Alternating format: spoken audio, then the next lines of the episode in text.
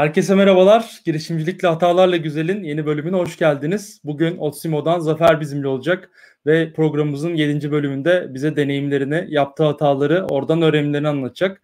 E, Zafer'le hemen hemen aynı dönemlerde ODTÜ'de okumuştuk. E, ben o zamanlar çok fazla girişimcilikle ilgilenmiyordum tabii. E, sonradan daha fazla oldu. Ama e, Zafer'in ODTÜ'de güzel girişimcilik e, başlangıcı vardı ve Otsimo'yla da çok güzel devam eden bir serüveni var.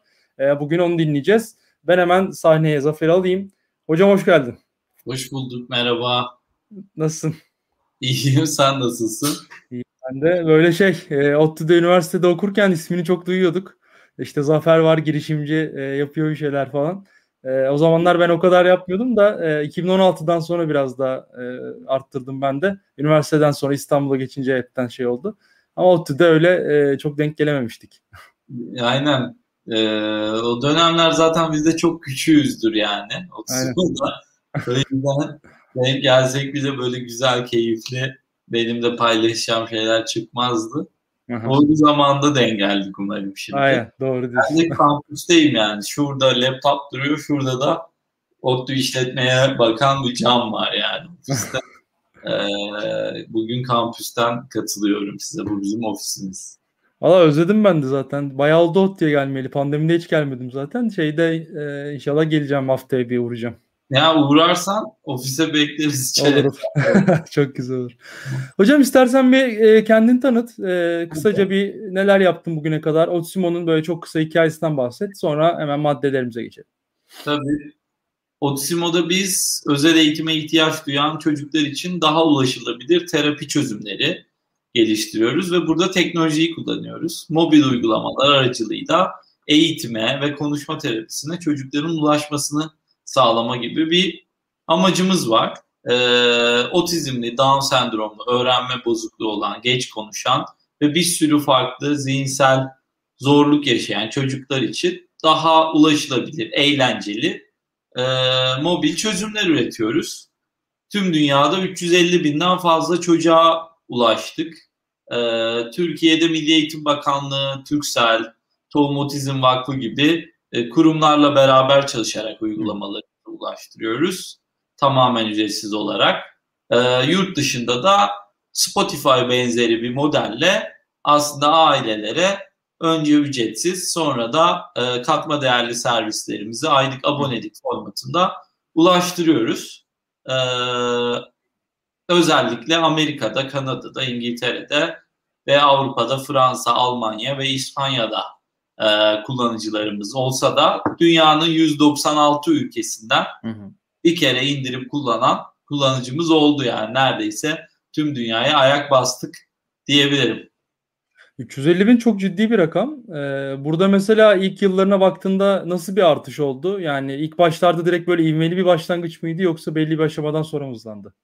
Yani exponential bir yerde. Tabii bu exponential dönemlerde değişiyor. Hı hı. Özellikle Covid e, bizim bu rakamı böyle 150 binlerden 350 binlere hızlıca ulaştırmamıza sebep oldu. Aynı zamanda sağladı diyebilirim.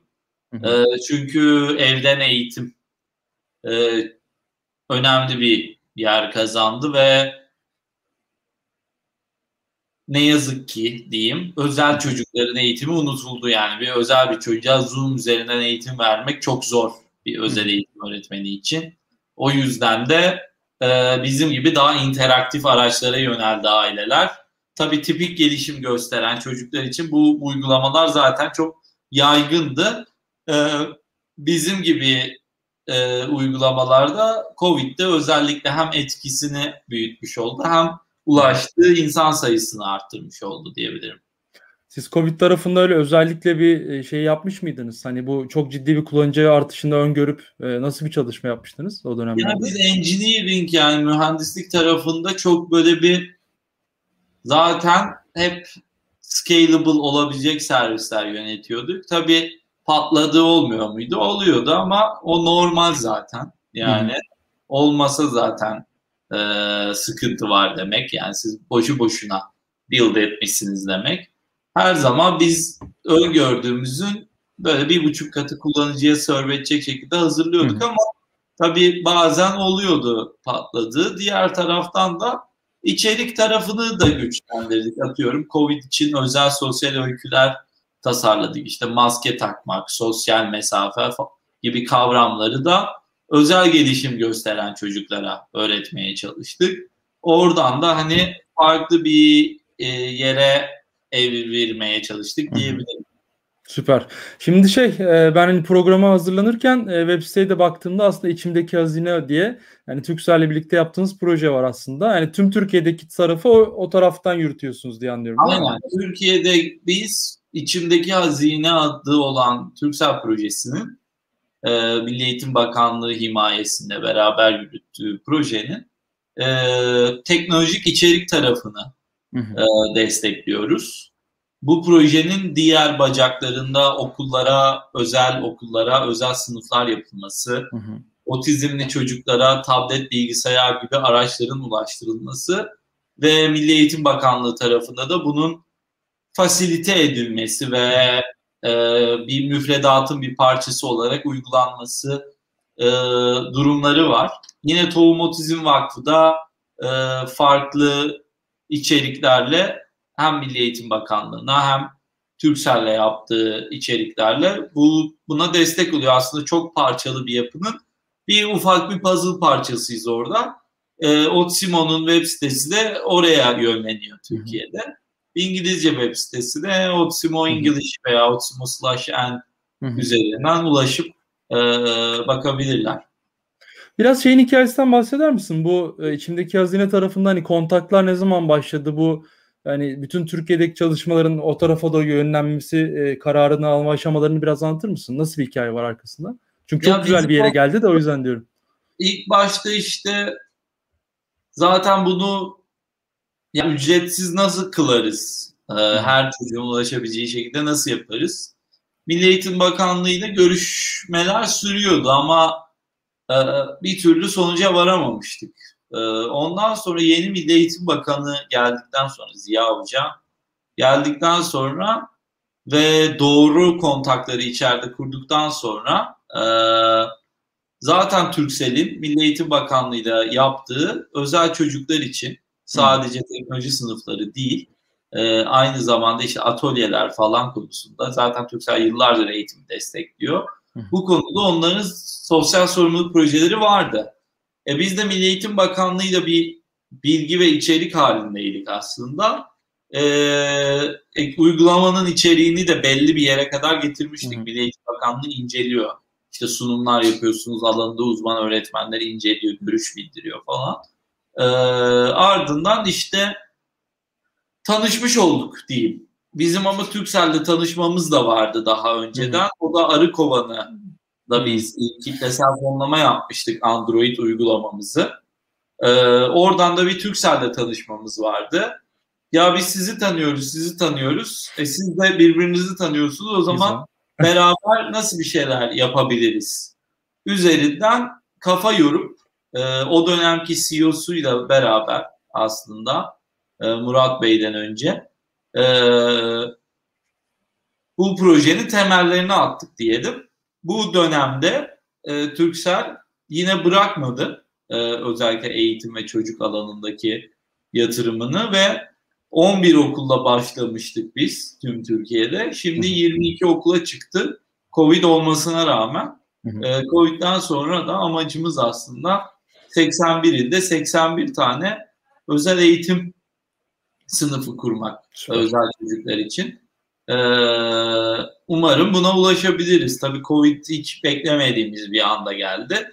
Orada ne yaptık? Yine Türkcell'le beraber EBA'nın altına içerikler ürettik. Onların ajansı, bizim video editing skilllerimizi falan birleştirip EBA'dan çocuklara ulaşmaya çalıştık yani. Ee, adapte olduk diyebilirim. Hı hı. O bahsettiğin 81 81 sınıf projesi henüz başlamadı o zaman. Sadece planlama. Yani başladı yavaş yavaş gidiyoruz. Yani 11 ile başladık 22. Böyle amacımız 8-10 sene içinde bütün Türkiye'ye ulaşmak. Ee, tabii temkinli gidiyoruz bir yandan da hani e, projenin çıktılarına bakmaya çalışıyoruz. Neleri iyileştirebiliriz? Sürekli yeni içerikler geliştiriyoruz. İşte Türksel ekibinin yaptığı yapay zeka çalışmaları oluyor veya mesela text to speech teknolojisi yaptılar. Gerçekten Google'ınkine falan göre çok daha Türkçe sese uygun e, sesletip çıkarıyor. Bunları entegre ettik mesela uygulamanın içine. E, beraber de engineering tarafında çalışıyoruz. Yani nasıl daha insanlığa yararlı teknolojiler geliştiririz diye. Böyle üzerine koya koya adım adım ilerliyoruz diyebilirim. Çünkü böyle bir anda işte 81 ilde 81 sınıf. Çok kalitesi de. Yani biz ilk 11 sınıfı yaptık. Mecbur e, okul hocalarıyla WhatsApp grubu kurduk okul müdürleriyle. Hani ya o tablet bozuldu bu ne oldu işte o hoca yanlış şifre girmiş tablet kilitlenmiş bilmem ne olmuş onlarla uğraştık yani çünkü e, bir günde o adaptasyonu sağlamak imkansız. Sonra fark ettik işte bir el kitabı hazırlamamız lazım mesela çünkü biz daha önceden hiç okullarla çalışmamıştık yani hep ailelerle çalışmıştık ve el kitabı hazırlamak lazım. İşte altyapı sorunları olan okullar vardı. Altyapılarını çözdük. E, çünkü Fatih projesine entegre olmaya çalıştık. O sırada Fatih projesi biraz daha şekil değiştirdi falan. Hani e, yol üstünde öğren, öğrendik diyebilirim. Hala da öğreniyoruz. Yani işte Covid oldu, EBA'ya girdik. Şimdi Covid bitecek, geri açılacak okullar. Bakalım nasıl sorunlar çıkacak? Yani o iPad'lerin bir kısmı bir süredir kullanılmıyor. İşte uygulama güncellendi mi, güncellenmedi mi e, gibi bir sürü durumla da karşı karşıya olabiliriz. Bir de biraz global boyutunu konuşalım 2-3 dakika sonra hata maddelerine geçeceğiz. Ee, çok ciddi bir büyümeden bahsetmiştin özellikle Covid dönemiyle birlikte. Bu dünyadaki e, diğer ülkelerde büyüme noktasında nasıl şeyler yaptınız? Hani özellikle pandemi döneminde o ivmeli büyüme nasıl gerçekleşti? Yani biraz şans. Hı hı. Bunu açıkça söylemem lazım. Yani her şeyi biz yaptık falan ya. Biraz şans. Biraz bize güvenen yatırımcılar yani biz bir önceki yatırımımızı Nisan ayında tamamlamıştık. Hatta otizm farkındalık gününde falan tamamlamıştık. Yani 2 2020 Nisan. mi? Ee, 2020 aynen. Hı. Yani Covid'den biraz sonra yani Şubat Mart 20 gün sonra. Yani aslında orada yatırımcılar bize güvendi, bu sektöre güvendi. Ee, bizim bu alanda büyümemizi desteklediler. Biz buradan kaynağımızın çoğunu tanıtım pazarlamaya ayırdık. Hı hı. Ee, orada tabii bir sürü hata yaptık yani Nisan, Mayıs, Haziran buralarda yani çok hata yaptık. Ee, bir sürü yaptık yani böyle bir tane net işte bunu yapmayın diyebileceğim bir hata yok ama bir sürü şey denedik yani. Dene yanıl çünkü marketing öyle bir şey. Özellikle dijitalde pazarlama yapmak öyle bir şey. Ardından böyle bir structure oturttuk. Ee, çok yakın bir arkadaşım da San Francisco'da olan bizde çalışmaya, danışmanlık vermeye başladı. Onun da etkisiyle büyümeyi hızlandırdık diyeyim. Ee, sonra da işte Covid'den aldığımız bir rüzgar vardı. Ee, hataları biraz kapatan. Ee, sonra doğru yöne çevirince e, o rüzgarı alıp ilerlemeyi başardık diyebilirim yani. O yüzden yatırımın etkisi var.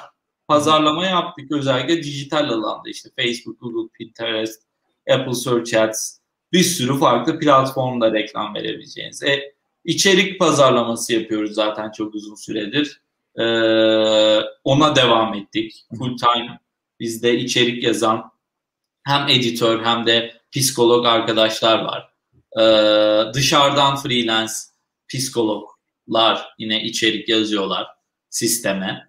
Ee, organik pazarlamayı sürdürmeye çalıştık. İşte viralite için ne yapabiliriz? İnsanlar birbirini nasıl davet edebilir? Nasıl word of mouth sağlayabiliriz falan gibi. Ee, işte platformlarla aramızdaki bağı genişletmeye çalıştık. İşte Google'dır, Google Play Store, işte Apple Store gibi platformlarda aramızı geliştirmeye çalıştık. Orada biraz Covid, Covid'in mesela kötü bir yanı o oldu. Biz her sene Apple'da işte ana sayfada yılın en iyi otizm uygulaması gibi otizm farkındalık gününde gösterilirdik ya tek başımıza ya bir, birkaç app'le beraber gösterilirdik. Mesela Covid oldu Nisan'da tüm dünya kapandı ve e, bu, bu Nisan değil geçen Nisan'da ve e, otizmden kimse bahsetmedi. Yani otizm farkındalık ayında kimse otizmden bahsetmedi mesela. Onun bir hmm. dis, dis, disadvantage işte e, dezavantajı. dezavantajı da oldu yani. Hani e, kusura bakma. Estağfurullah. Üzüldüğü gibi oldu.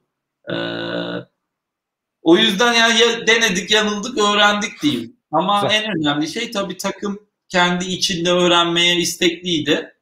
Ee, dışarıdan da böyle biraz bilgiyle e, vazgeçmemeyle bir de onları alan bize nefes olan yatırımcılarla e, öğrenerek büyüdük diyebilirim.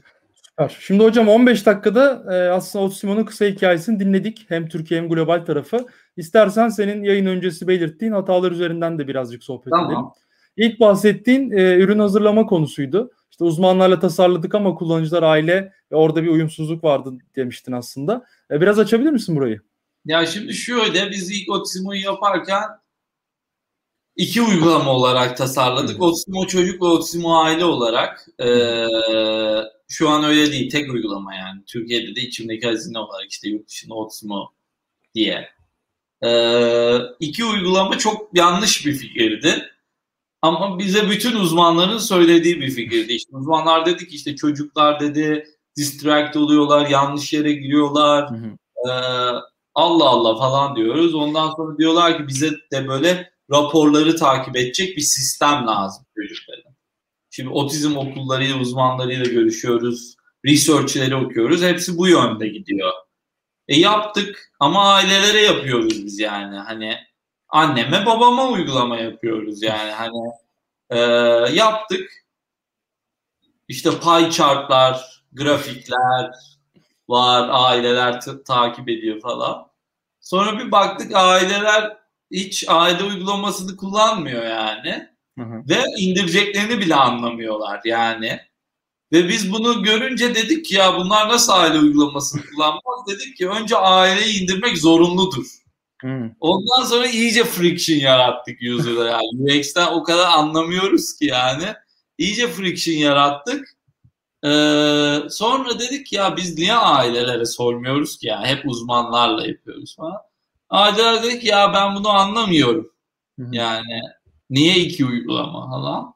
Oturduk birleştirdik biz iki uygulamayı ama birleştirmek de zaman aldı. Tekrar yazdık gibi bir şey oldu. Sonra bütün kullanıcı friction'ı kalktı ortadan. Aileler hem aile tarafını kullanmaya başladılar.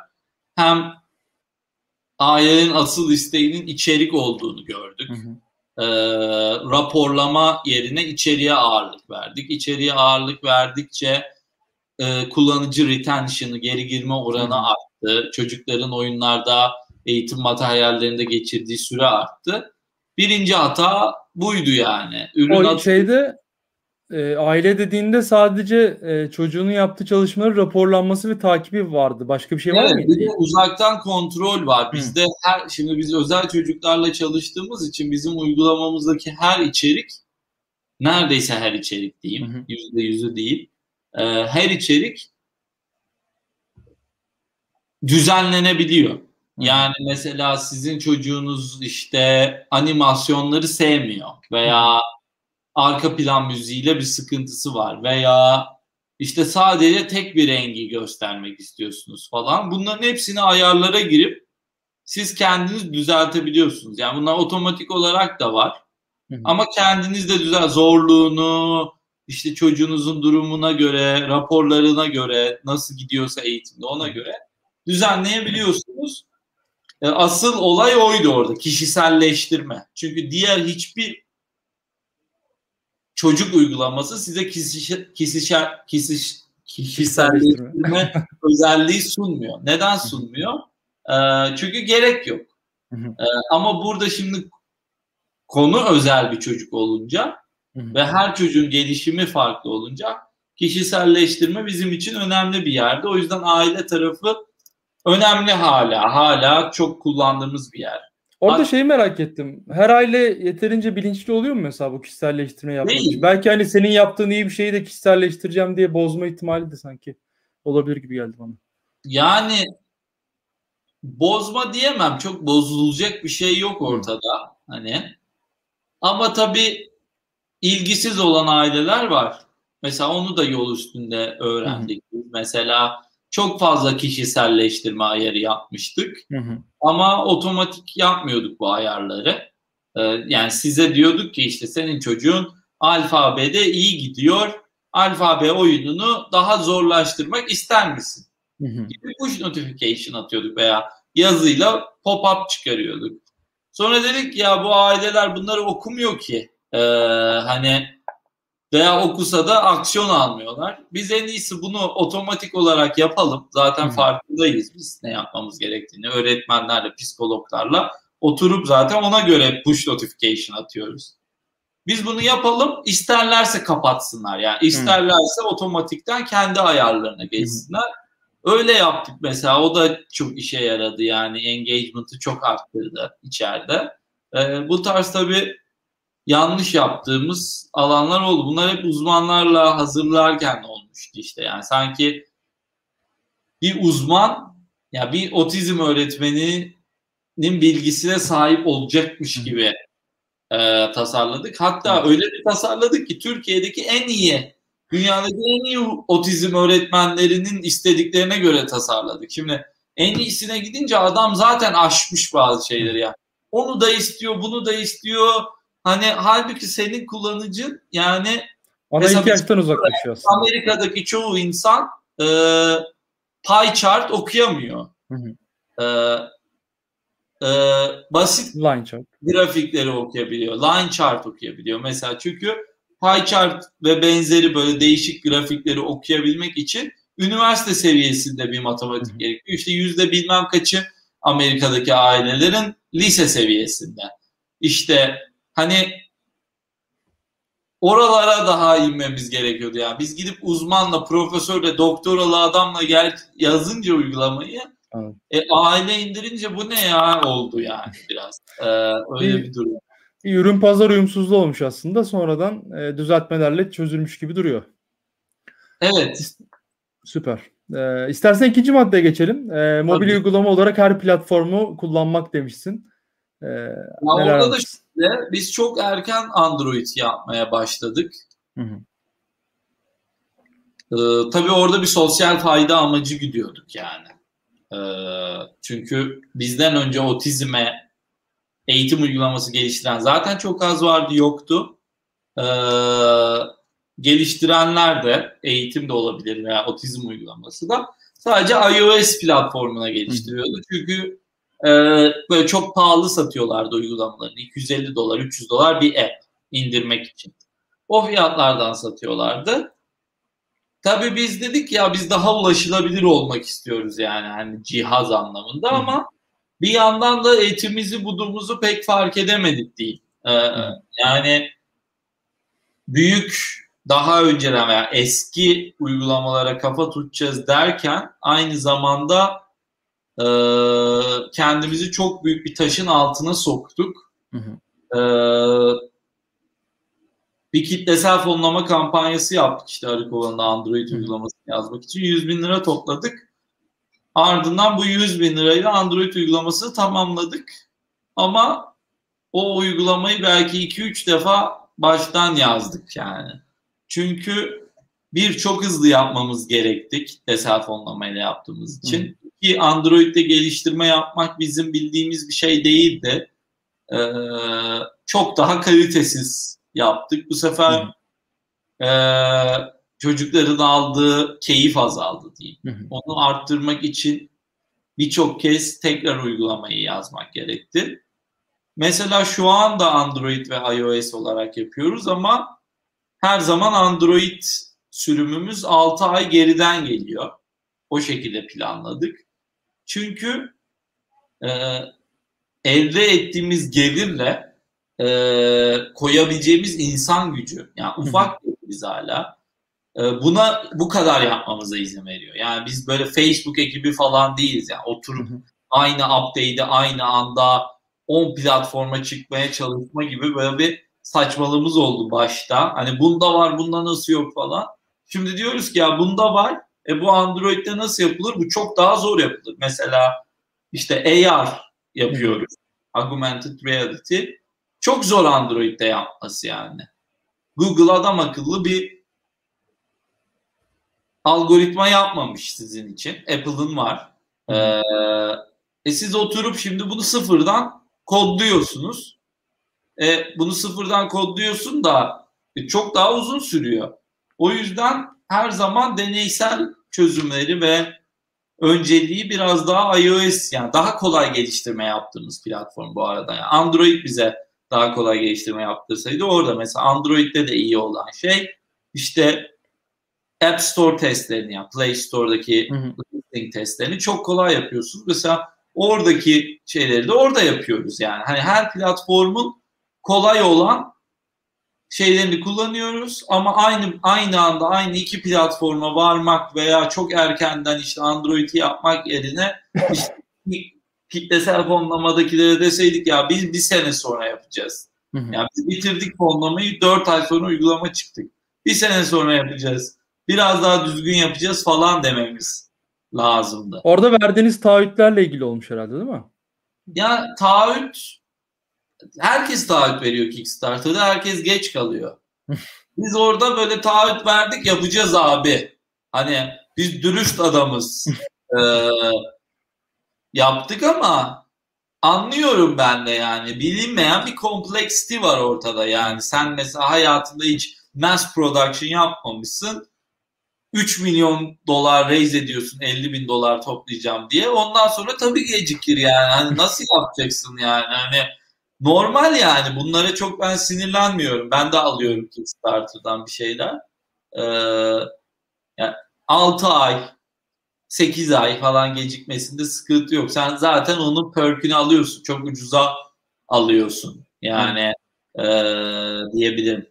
O biraz sizin kendi şeyiniz olmuş aslında. Hani siz kendiniz hani biz böyle bir söz verdik biz bunu yaparız gibi e, içselleştirmişsiniz biraz. Tabii tabii biz de öyle yaptık yani hata işte dedim yani evet. işte hem her platformda olalım diye çok erken bir fundraising yaptık hem o bittikten sonra da takvimleri çok yakına ko- koyduk. Hı hı. Ee, koyduk diye de söz verdik diye de yaptık. Hani her şeyde her aşaması biraz biraz hatalı. Süper.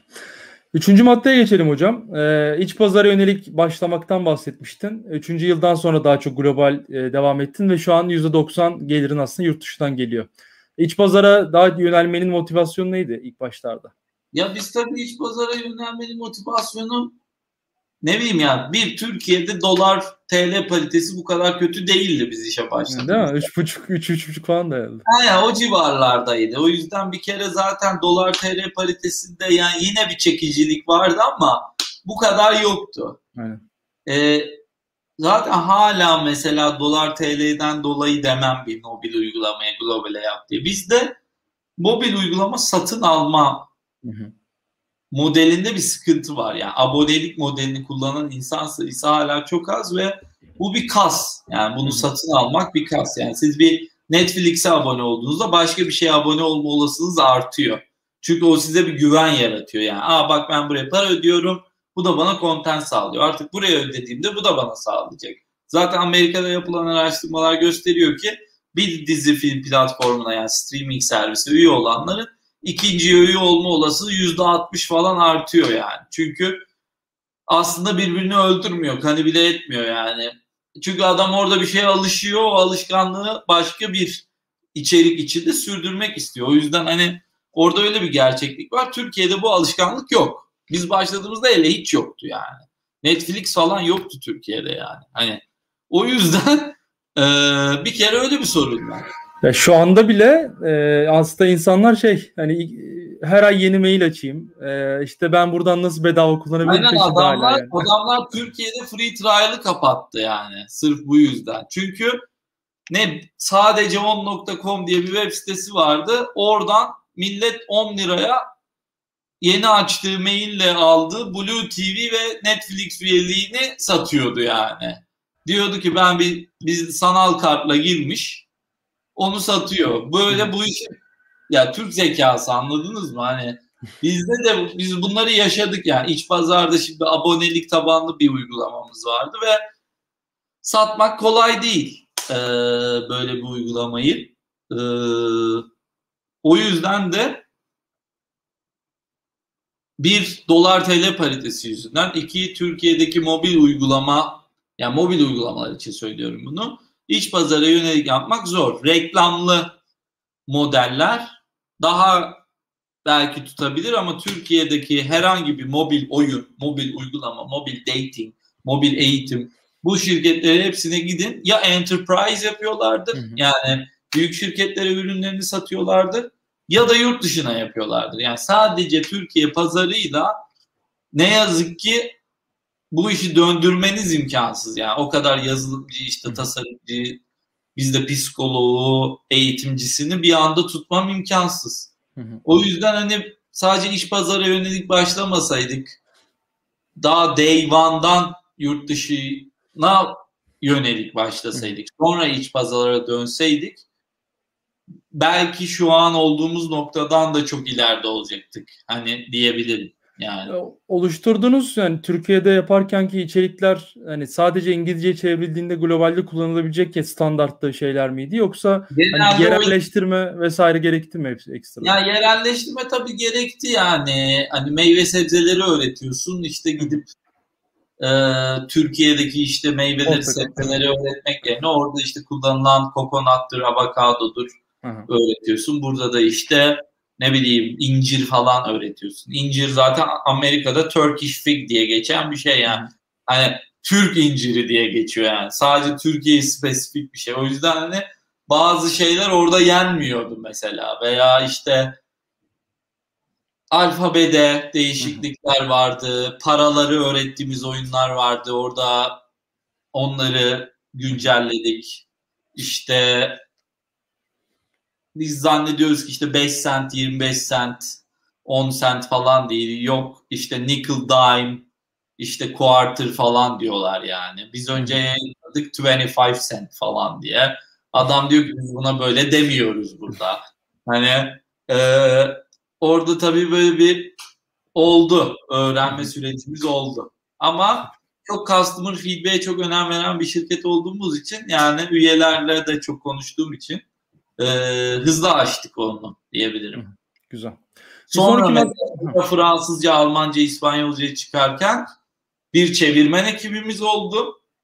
İki native testerlarımız oldu. Geldiler bizim e, sistemimiz üzerinden test ettiler. Ee, üç beta yayınladık, dört yayınladık falan. Hani çünkü Arada... İngilizce'de bir ağzımız yanmıştı yani. Ee, mesela Fransızca'da ve işte İspanyolca'da çok değişiyor sorduğunuz sorunun cevabına göre soruyu işte kadın mı erkek miye göre sormak gibi Aynen. durumlar oluyor. Mesela bunlar yüzünden kod değişti yani. Hani o derece. Çünkü e, İngilizce'de veya Türkçe'de böyle bir şey yok. İşte which one is işte Apple falan diye sorabiliyorsunuz atıyorum veya hı hı. which one is green diye soruyorsunuz. Apple'sa işte soru değişmiyor ama işte atıyorum İspanyolca'da işte hangisi yeşil diye sorarken yeşil şey elmaysa işte erkek şekilde soruluyor. Yeşil şey işte üzümse kadın şekilde soruluyor falan pişman gibi böyle şeyler vardı ve bunun kod kodlanması gerekti mesela. Öyle o kadar da ben çevirdim gitti abi gibi olmadı o iş. Aa, o çok sıkıntılı bir durumdu ya. Ben İtalyanca seçme dersi aldığımda da hani orada da var o. E, maskülen ve feminen diye geçiyordu yanlış hatırlamıyorsam. Evet. Biraz karışıyor yani oralarda işler. Ee, ama yine de yani Avrupa pazarı değil de Amerika pazarına bir şey yapmak her zaman çok daha iyi abi. Yani hmm. öyle startuplar var ki sadece Amerika pazarında iş yapıyor. Adam milyar dolarlık şirket olmuş yani. Çünkü pazar o kadar büyük ki Aynen. hani başka bir yere bir iş yapmasına gerek yok. Hani Hı-hı. o kadar büyük yani hani e, belki gün birden işte yapsaydık yüzde 90 yurt dışı gelir olmayacaktı. Yüzde 99 ihracat yapan bir şirket olacaktı. Yani. Süper. Gelirimiz belki 3 kat olacaktı. Belki Tabii bir, iki, se- bir iki seneye o rakamlara gelir belki. Oran İnşallah. Her şeyin hayırlısı diyelim yani. Ee, bir sonraki maddede iş modeli konuşalım istersen. Hani ilk başlarda doğru iş modelini bulmakta biraz zorlandığından bahsetmiştin. Hani daha fazla örneğe baksaydım belki daha iyi olabilirdi. Biraz hayalperest yaklaşmıştık gibi söylemiştin. Ee, iş modeli tarafında neden anlatmak istersin? Şimdi şöyle orada da ee, Şimdi biz bir sosyal girişim olduğumuz için sosyal faydayı önde tutuyoruz. Hı hı. Ben de iş modeli kardeşi otizmli olan biri olarak. İş modeli üretirken tabii ki çok naif ve herkesin eğitime ulaşabileceği şekilde davranmaya çalıştım ve neredeyse uygulamayı iki sene tamamen ücretsiz tuttum. İkinci seneden sonra da işte abonelik modeli denemeye başladık. Ve hani adam akıllı yerleri aboneliğe koymadım. Atıyorum siz Spotify dinliyorsunuz ya hani Spotify'da müzikler müzik mesela geçmek istiyorsanız premium veya hmm. istediğim müziği dinlemek premium. Ben gittim işte ne bileyim çok yüksek kalitede müzik dinlemek istersen premium. Yani hepsi açık ama ayarlarda bir şey değiştirmek istersen hmm. gibi böyle basit şeyleri aboneliğe koymaya başladım. Az daha batıyorduk yani. Hani çok paramızı çok harcattım yani ben şirkete. Çok naif davranarak. Tabii bunu biraz yaşayarak görmem gerekiyordu çünkü ya bir etki yaratmak için sonuçta ortaya çıktınız ya. O yüzden her şeyi ücretsiz vermekten başlayıp yavaş yavaş kısa kısa kısa kısa tamam bak bu kadarını ücretsiz verebiliyoruz bu kadarını vermememiz lazımmışa getirene kadar bir sürü bir iş modeli denemesi oldu. Ee, Burada bir, bir araya girmek istiyorum şey. Hani bu söylediğini e, şey diyenler de oluyor. Hani ilk başta çok direkt ücretsiz dediğin zaman işte e, 6 ay sonra bir yıl sonra o aynı kitleden aynı hizmetin birazcık farklısı için para istemek ve onu sürdürebilir yapmanın çok zor olduğundan ve müşterilerin evet, evet, de bahsediliyor. Mesela eski müşterilerden kesmedik ücretsiz şeyi. Hı. Çünkü adam ücretsiz diye gelmiş. Aynen. Ama ondan sonra bir an oldu dedik ki yani biz bunları ücretliye koymuştuk. Tamam dedik business modelimiz bu. Hı hı. Seçtik. Sonra hepsine mail attık. Dedik ki 6 ay sonra ücretli olacak. Hı hı. Ama 6 ay daha size free. Zaten ücretli hep. 6 ay daha size ücretsiz. 6 ayın sonunda da işte %50 indirimle hani eski üye olduğunuz için upgrade edebilirsiniz gibi hani Onlara offer sunduk. Bunu da böyle benim ağzımdan güzel bir mektup olarak yazdık. Yani neden biz optimum yapıyoruz? Ee, neden sosyal fayda gidiyoruz ve neden ücretli yapmak zorunda kaldık? Yani e, ve bu para nereye gidiyor? Yani aldığımız parayı işte nasıl harcıyoruz? İçerik yaparken nelere dikkat ediyoruz? Takımları nasıl yapıyoruz falan. Bunları açıkladık. Hiç kötü bir yorum gelmedi bize. Ama bazı şirketler tabii bunu çok bu kadar nefesi olmayabiliyor.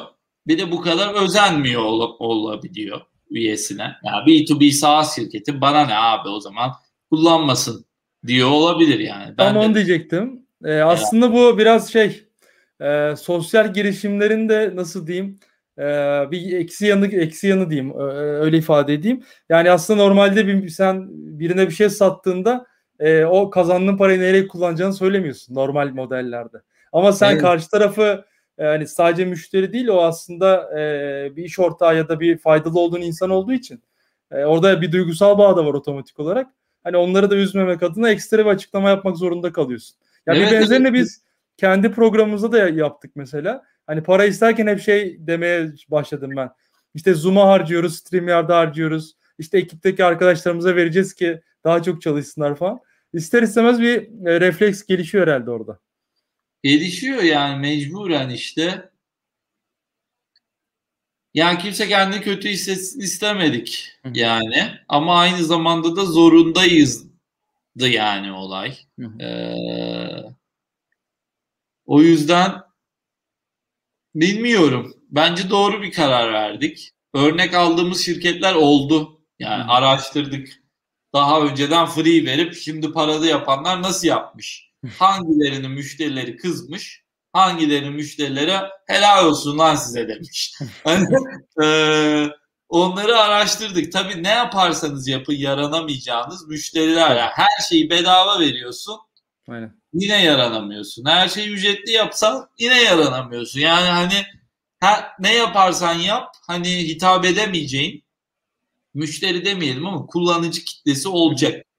Bu nasıl dünyanın en iyi insanı da olsan seni sevmeyen birinin olacağı gibi. Kesinlikle. Hani e, o yüzden hani buna da alışmak gerekiyor bir yerden sonra. Ben ona da alıştım yani. Hani e, eskiden çok bozuyordu moralimi. Yani biz mesela ilk kitlesel fonlama yaptık. Ya ben ODTÜ'de bilgisayar mühendisliği okuyorum yani. Hani Sercan bir ODTÜ'de bilgisayar mühendisliği okuyor. Takım ODTÜ'lü 4-5 kişiyiz. Otizmli çocuklara app yapıyoruz. App tamamen ücretsiz.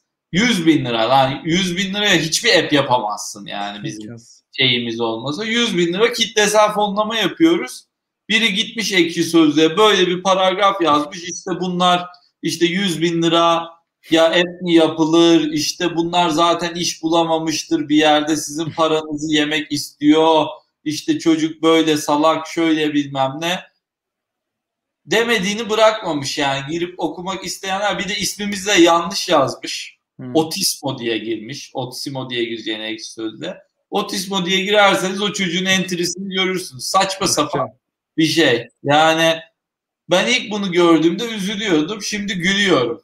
Yani ee, Yapacak bir şey olmadığını fark edince gülmek daha doğru bir refleks. Ya ilk, ilk okuduğumda dedim ki yani biz kötü insanlar değiliz yani niye böyle anlaşıldı falan diye.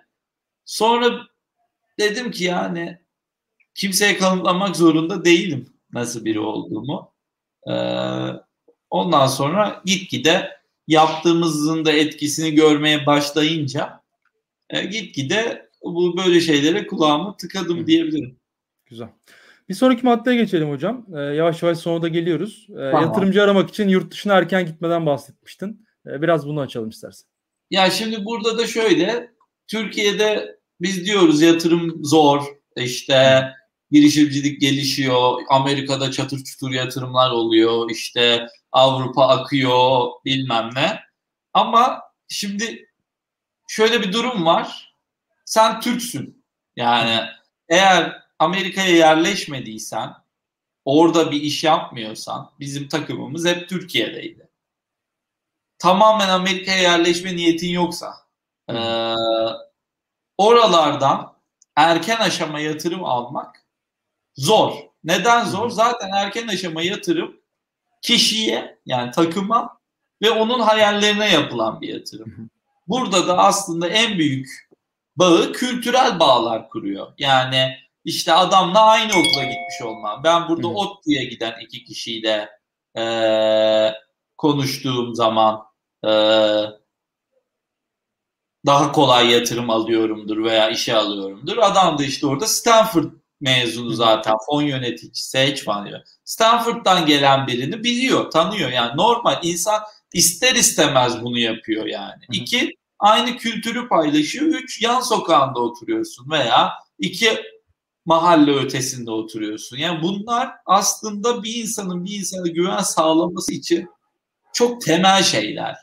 Ee, hatta bunun bunun yatırımcıyla bir a, anlamı yok ama bir araştırma yapmışlar psikologlar. İnsanlar kime aşık olur diye ve birinci sırada ve en önemli sırada lokasyon çıkmış. Yani e, aynı mekanı paylaştığın insanlara aşık oluyorsun.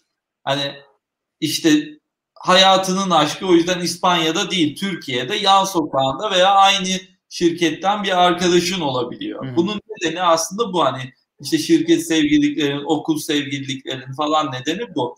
Hı. Aynı şey yatırımcı için de geçerli. Yani yatırımcı senin işine niye yatırım yapsın abi? En önemli şey lokasyon. Yani adam San Francisco'da sen de San Francisco'daysan sana yatırım Berlin'de sen de Berlin'de yaşıyorsan akşam aynı bara gidiyorsan yemeği beraber bildiğin bir yerde yiyebiliyorsan seni okulunda tanıdığı başka birine sorup ha işte Hans iyi çocuktur ya biz ders aldık beraber diyebiliyorsan adam sana erken aşama yatırım yapıyor. Şimdi biz bunu zor yoldan öğrendik diyeyim ya. Ben çok erken aşamada e, yurt dışına gittim. Ee, ve yatırım aramaya başladım. Sonra döndüm Galata iş meleklerinden aldık ve Türkiye'de de sonra yurt dışından da angel investor'ımız oldu ama e, ilk bize can suyunu hatta sonraki büyümemizde de yardım eden GBA'ydı. En sonunda da Teknasyon çok büyük bir yatırım Hı. yaptı. O yüzden hani e,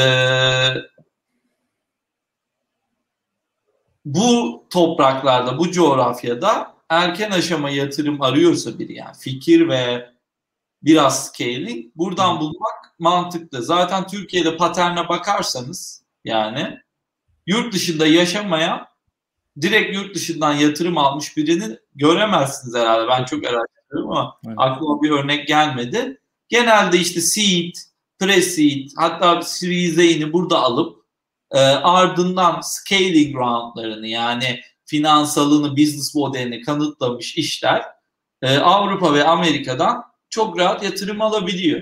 E, o yüzden hani yatırımcı aramak için erken yurt dışına gitme demiştim ben sana örnek olarak. O da hı hı. E, bir kulağa küpe olabilir. Yani yatırım dediğin zaten şey hani karşılıklı güven işi biraz. Ee, ilk başlarda güvenmek için de dediğin gibi birçok bir farklı faktör var. Hani biraz daha ileri aşamalarda artık analitiğine bakıyorsun. Daha matematik ve evrensel değerler ortaya çıkıyor. Yani evet. o değerler üzerinden de sen o insanın o işi yapıp yapamayacağını hani çok fazla karakterine belki tabii ki bakarsın ama ilk başlarda daha çok hani ya kişisel özelliklere bakıyor. Fondlar işte bu VC fondlar matematik işi Aynen. yani. Bu adamlar oturuyor senin mizanını açıyor işte PNL'ini açıyor. bakıyor buraya bu kadar cash inject edersem bu buraya çok para harcıyor. Bunu böyle scale'de çözerse tamam diyor işte bu para diyor şuraya gider. Hı. Yani ama angel investment'da öyle bir şey yok. Sen diyorsun ki ben bir app yapacağım. E yapacağım işte yani. Yapacağım bir bakacağım. Yaptıktan sonra bakalım benim böyle böyle sorunum var ama bir sürü insanın da varsa veya benim yaptığım çözüm bir sürü insanın var ama benim yaptığım çözüm onların sorununu çözüyorsa para kazanabiliriz diyorsun.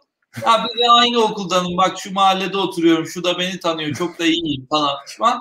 Ha tamam o zaman ya bunlar iyi çocuklar veya bu evet. adam işte Türkcell'de çalışmış daha önceden işte tanıyor işte falan gibi. Hani bur- buranın da kendi şeyi var. Evet. Orada Google'da çalışan adam e, nasıl yatırım alıyorsa işte burada da Turkcell'de işte ne bileyim Türkiye'deki international company'lerden çıkıp sunum yapınca ve orayla alakalı yani oradaki bir problemi çözünce tabii ki daha kolay yatırım alıyor yani. Süper. Hocam son bir madde var. Çok kısa oraya da değinelim kapatalım. Ee, sen daha fazla mentorla birlikte olup böyle mental açıdan da destek alsam iyi olabilir demiştin. Ee, burayı da biraz açar mısın? Ya şimdi şöyle ee, çok zor dönemler oluyor girişimcilikte.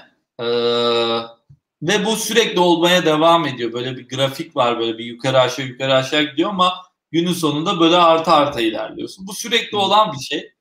Ee, çok garip gelecek ama yani mesela dün işte bir şeye moralim bozuktu bu. Yeni bir ofis kiralayacağız biz işte daha işleri büyütmek için. Bu sabah işte çok çözüldü diye uyanmıştım ardından. Akşama doğru bambaşka bir sorun çıktı ve tekrar modum düştü çünkü tekrar çözülmesi gereken soru çıktı. Gün içinde böyle gün içinde bile yuk- yukarı aşağı sizi çeken büyüklü küçüklü bir sürü sorun oluyor. Ve bunların bir kısmı birilerine danışsanız daha doğru kararlar verebileceğiniz sorunlar oluyor. Bir kısmı da e, deneyip yanılabileceğiniz sorunlar oluyor. Ama şimdi bu mentorluk Türkiye'de böyle bir garip e, benim olmadı veya diyeyim. Hı hı. Böyle fixated bir ilişki üzerinden ee, işte ne bileyim atıyorum finans mentoru sadece finansa bakıyor falan gibi. Ben mesela bizde Josie Bey var Amerika'da Google'da çalışan. Mesela onun mentorluğu çok iyiydi. Sadece bir şirket olarak değil Josie insan olarak hı hı. ve danışman olarak bir mentor olmuştu ve bir, bir zor geçen bir dönemimi gerçekten e, beraber fikir yürüterek geçirmiştik. O yüzden hani çok Josie ile tanışmamız bizim şanstı. E, Hamdi Ulukay girişimi programında Google'ı ziyaret ettiğimizde tanışmıştık. Sonra bize yatırım yaptı. Sonra da aynı zamanda mentorluk da verdi ama e, Türkiye'de işte bu mentor ve bilgi paylaşımı olayının müthiş çok olmadığını düşünüyorum. Zaten bugün o yüzden burada seninleyim yani. Hı hı. Ee, ben kimim de konuşuyorum diye düşünüyorum çoğu zaman etkinliklere gittiğimde. Yani çünkü Otsimo tamam benim için güzel bir startup. Kendi çocuğum gibi olduğu için bir yandan ama hani Türkiye'deki işte başarılı startuplara baktığınız zaman işte Peak Games'tir ne bileyim Easy Coder veya işte daha da başarılı startuplar var. Ee, kurucularının peer learning'e Amerika'daki kurucular kadar vakit ayırmadığını düşünüyorum. Evet, ben de aynı ee, yani Amerika'da işte takip ettiğimiz kurucular veya yatırımcılar Twitter, Medium hı hı. E, veya bu tarz mecralar. Mesela LinkedIn'in kurucusu Öyle mesela kurduğu şey var. E, podcast var, kitap var. Ya give back var o tarafta. Bir cümleme geri gelirsem Türkiye'de işte bir şeyler başarmış. E, insanlardan bir şeyler öğrenme şansı biraz daha az ne yazık ki. Yani içerik üretme konusunda daha eli sıkı davranıyorlar diyeyim. Aynı zamanda farklı işlerin advisory board'unda olma konusunda da eli sıkı davranıyorlar yani. Evet ee, maalesef. Buralarda bence bir ihtiyaç var. Yani biz Zafer Elcik'ten değil de hani alması gereken e, kişi Sidar abi de severim de yani Sidar Şahin'den bir kitabını nasıl Peak Games'i Peak Games yaptığını kitabını okuyabilse veya bir podcast'te dinleyebilse e, çok daha büyük etkisi ol, olma şansı var. Bunu yapan girişimciler yok mu? Var. Hani ve özellikle GBA'daki yatırımcıların çoğu özellikle giveback yapmak için de oradalar. O yüzden hani GBA'yı ben bu sektör için de çok başarılı buluyorum. Ama e, çok daha fazla öğrenilecek yer olduğunu düşünüyorum burada. Hı hı. E, bir de şey kültürü yok tabii bizde. Bir advisory board oluşturayım ben buraya bir hisse ayırayım.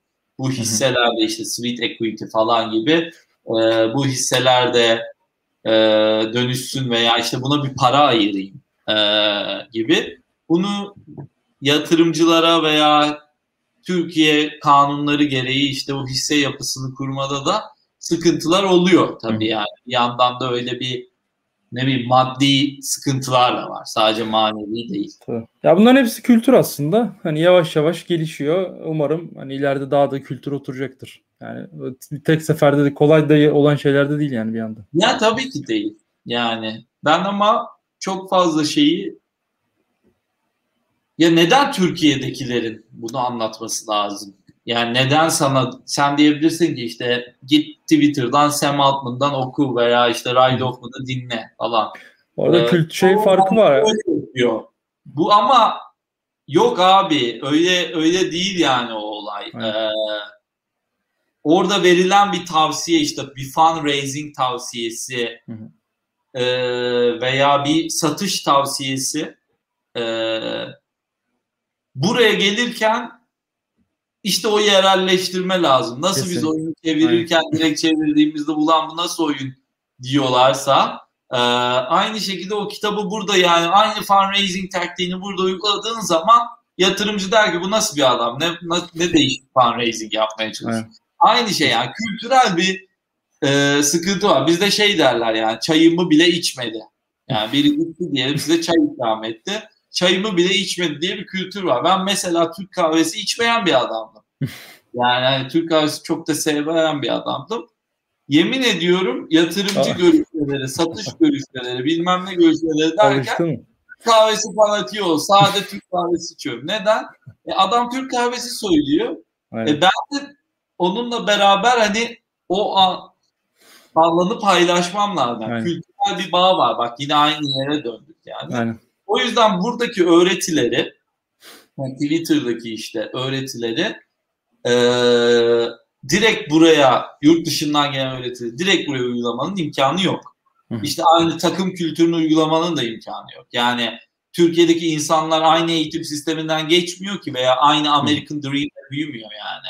Kesinlikle. Adam çok zor bir yerden geçiyor. Diyor ki ya ben hisse option'ı sen diyorsun ki Amerika'da böyle böyle yapıyor Google. Ben de hisse option yapıyorum. Adam diyor ki ya işte başka bir şeyi var adamın. Belki çocuğunu kreşe göndermekle ilgili bir sıkıntısı var. Yani hani farklı sorunları yaşıyoruz. Çalışan da farklı sorunları yaşıyor. Yatırımcı da farklı sorunları yaşıyor. Girişimci de farklı sorunları yaşıyor. O yüzden Türkiye'de başarılı olmuş girişimcilerin geri verebildiği işte Girvak gibi organizasyonlar müthiş değerli. Ee, o sana anlatıyor. Yani o sana e, buranın vergi mevzuatını anlatıyor. O sana işte e, nasıl doğru takımı burada kurarsın onu anlatıyor o sana işte bizde mesela equity investment var Türkiye'de. Full equity, debt şey ne debt financing adam akıllı yapılıyor ne de convertible yapılıyor Türkiye'de yani. Şimdi sen equity investment'ı bilmiyorsan sermaye artırımı nasıl yapılır? İşte hisse basarsan ne olur vergisel anlamda falan bunları bilmen gerekiyor yani. Türk Türksün sen. O yüzden ya buradakiler biraz daha hani o gerçek bilgi ve doğru bilgi öğrenmek için yani o diğer yani Amerika'daki o e, verdiğimiz örneklerde biraz şey hani bizden bir 15-20 yıl daha önceden e, bunları deneyimlediği için belki bir üst level olarak neler olabilir görmek için iyi ama senin dediğin gibi o yerelleştirme olmadan olmaz yani. Evet bir de peer learning de önemli yani e, Amerika'da o da çok var. Mesela aynı seed round edtech investorları tamam mı? Edtech girişimcileri. Adamlar alıyorlar. Paralı bu gruplar. Bazıları paralı bazıları hisse komite diyorsun falan. Pool yapıyorlar seni. Sen birbirine destek oluyorsun. Ee, ve beraber büyüyorsun. Ee, ve bir, bir üst level'a atlatıyorsun pool'u. Series A raise edenler gibi. Yani işte burada mesela peer learning'de de tabii sektör daha küçük oldu ya. Ben EdTech'te pool kuracağım desem Türkiye'de 15 team adam 4 adam oluruz herhalde. Yani hani çok çok az ufak olur veya işte VC'ler dese ki sadece EdTech VC'leri toplanalım dese sıfır kişi. Yok böyle bir VC yani Türkiye'de. O yüzden hani biraz tabii kültürle de alakası var ama hem peer learning hem başarıya ulaşmış insanlardan daha fazla advisory board kurmak, e, mentorluk almak ve bu zor yolda mental strength'i beraber atlatmak çok daha faydalı olur diye e, her yerde onu onu bahsediyorum. Hocam ağzına sağlık. Ee, bir saatte doldurduk. Böyle dolu dolu e, hikayelerini anlattığın güzel bir program oldu. Çok teşekkür ederiz böyle yoğun takvimde konuk olduğun için. Ee, izlediğiniz için de teşekkür ederiz. Ee, bir sonraki bölümlerde görüşmek üzere diliyorum. Hoşçakalın.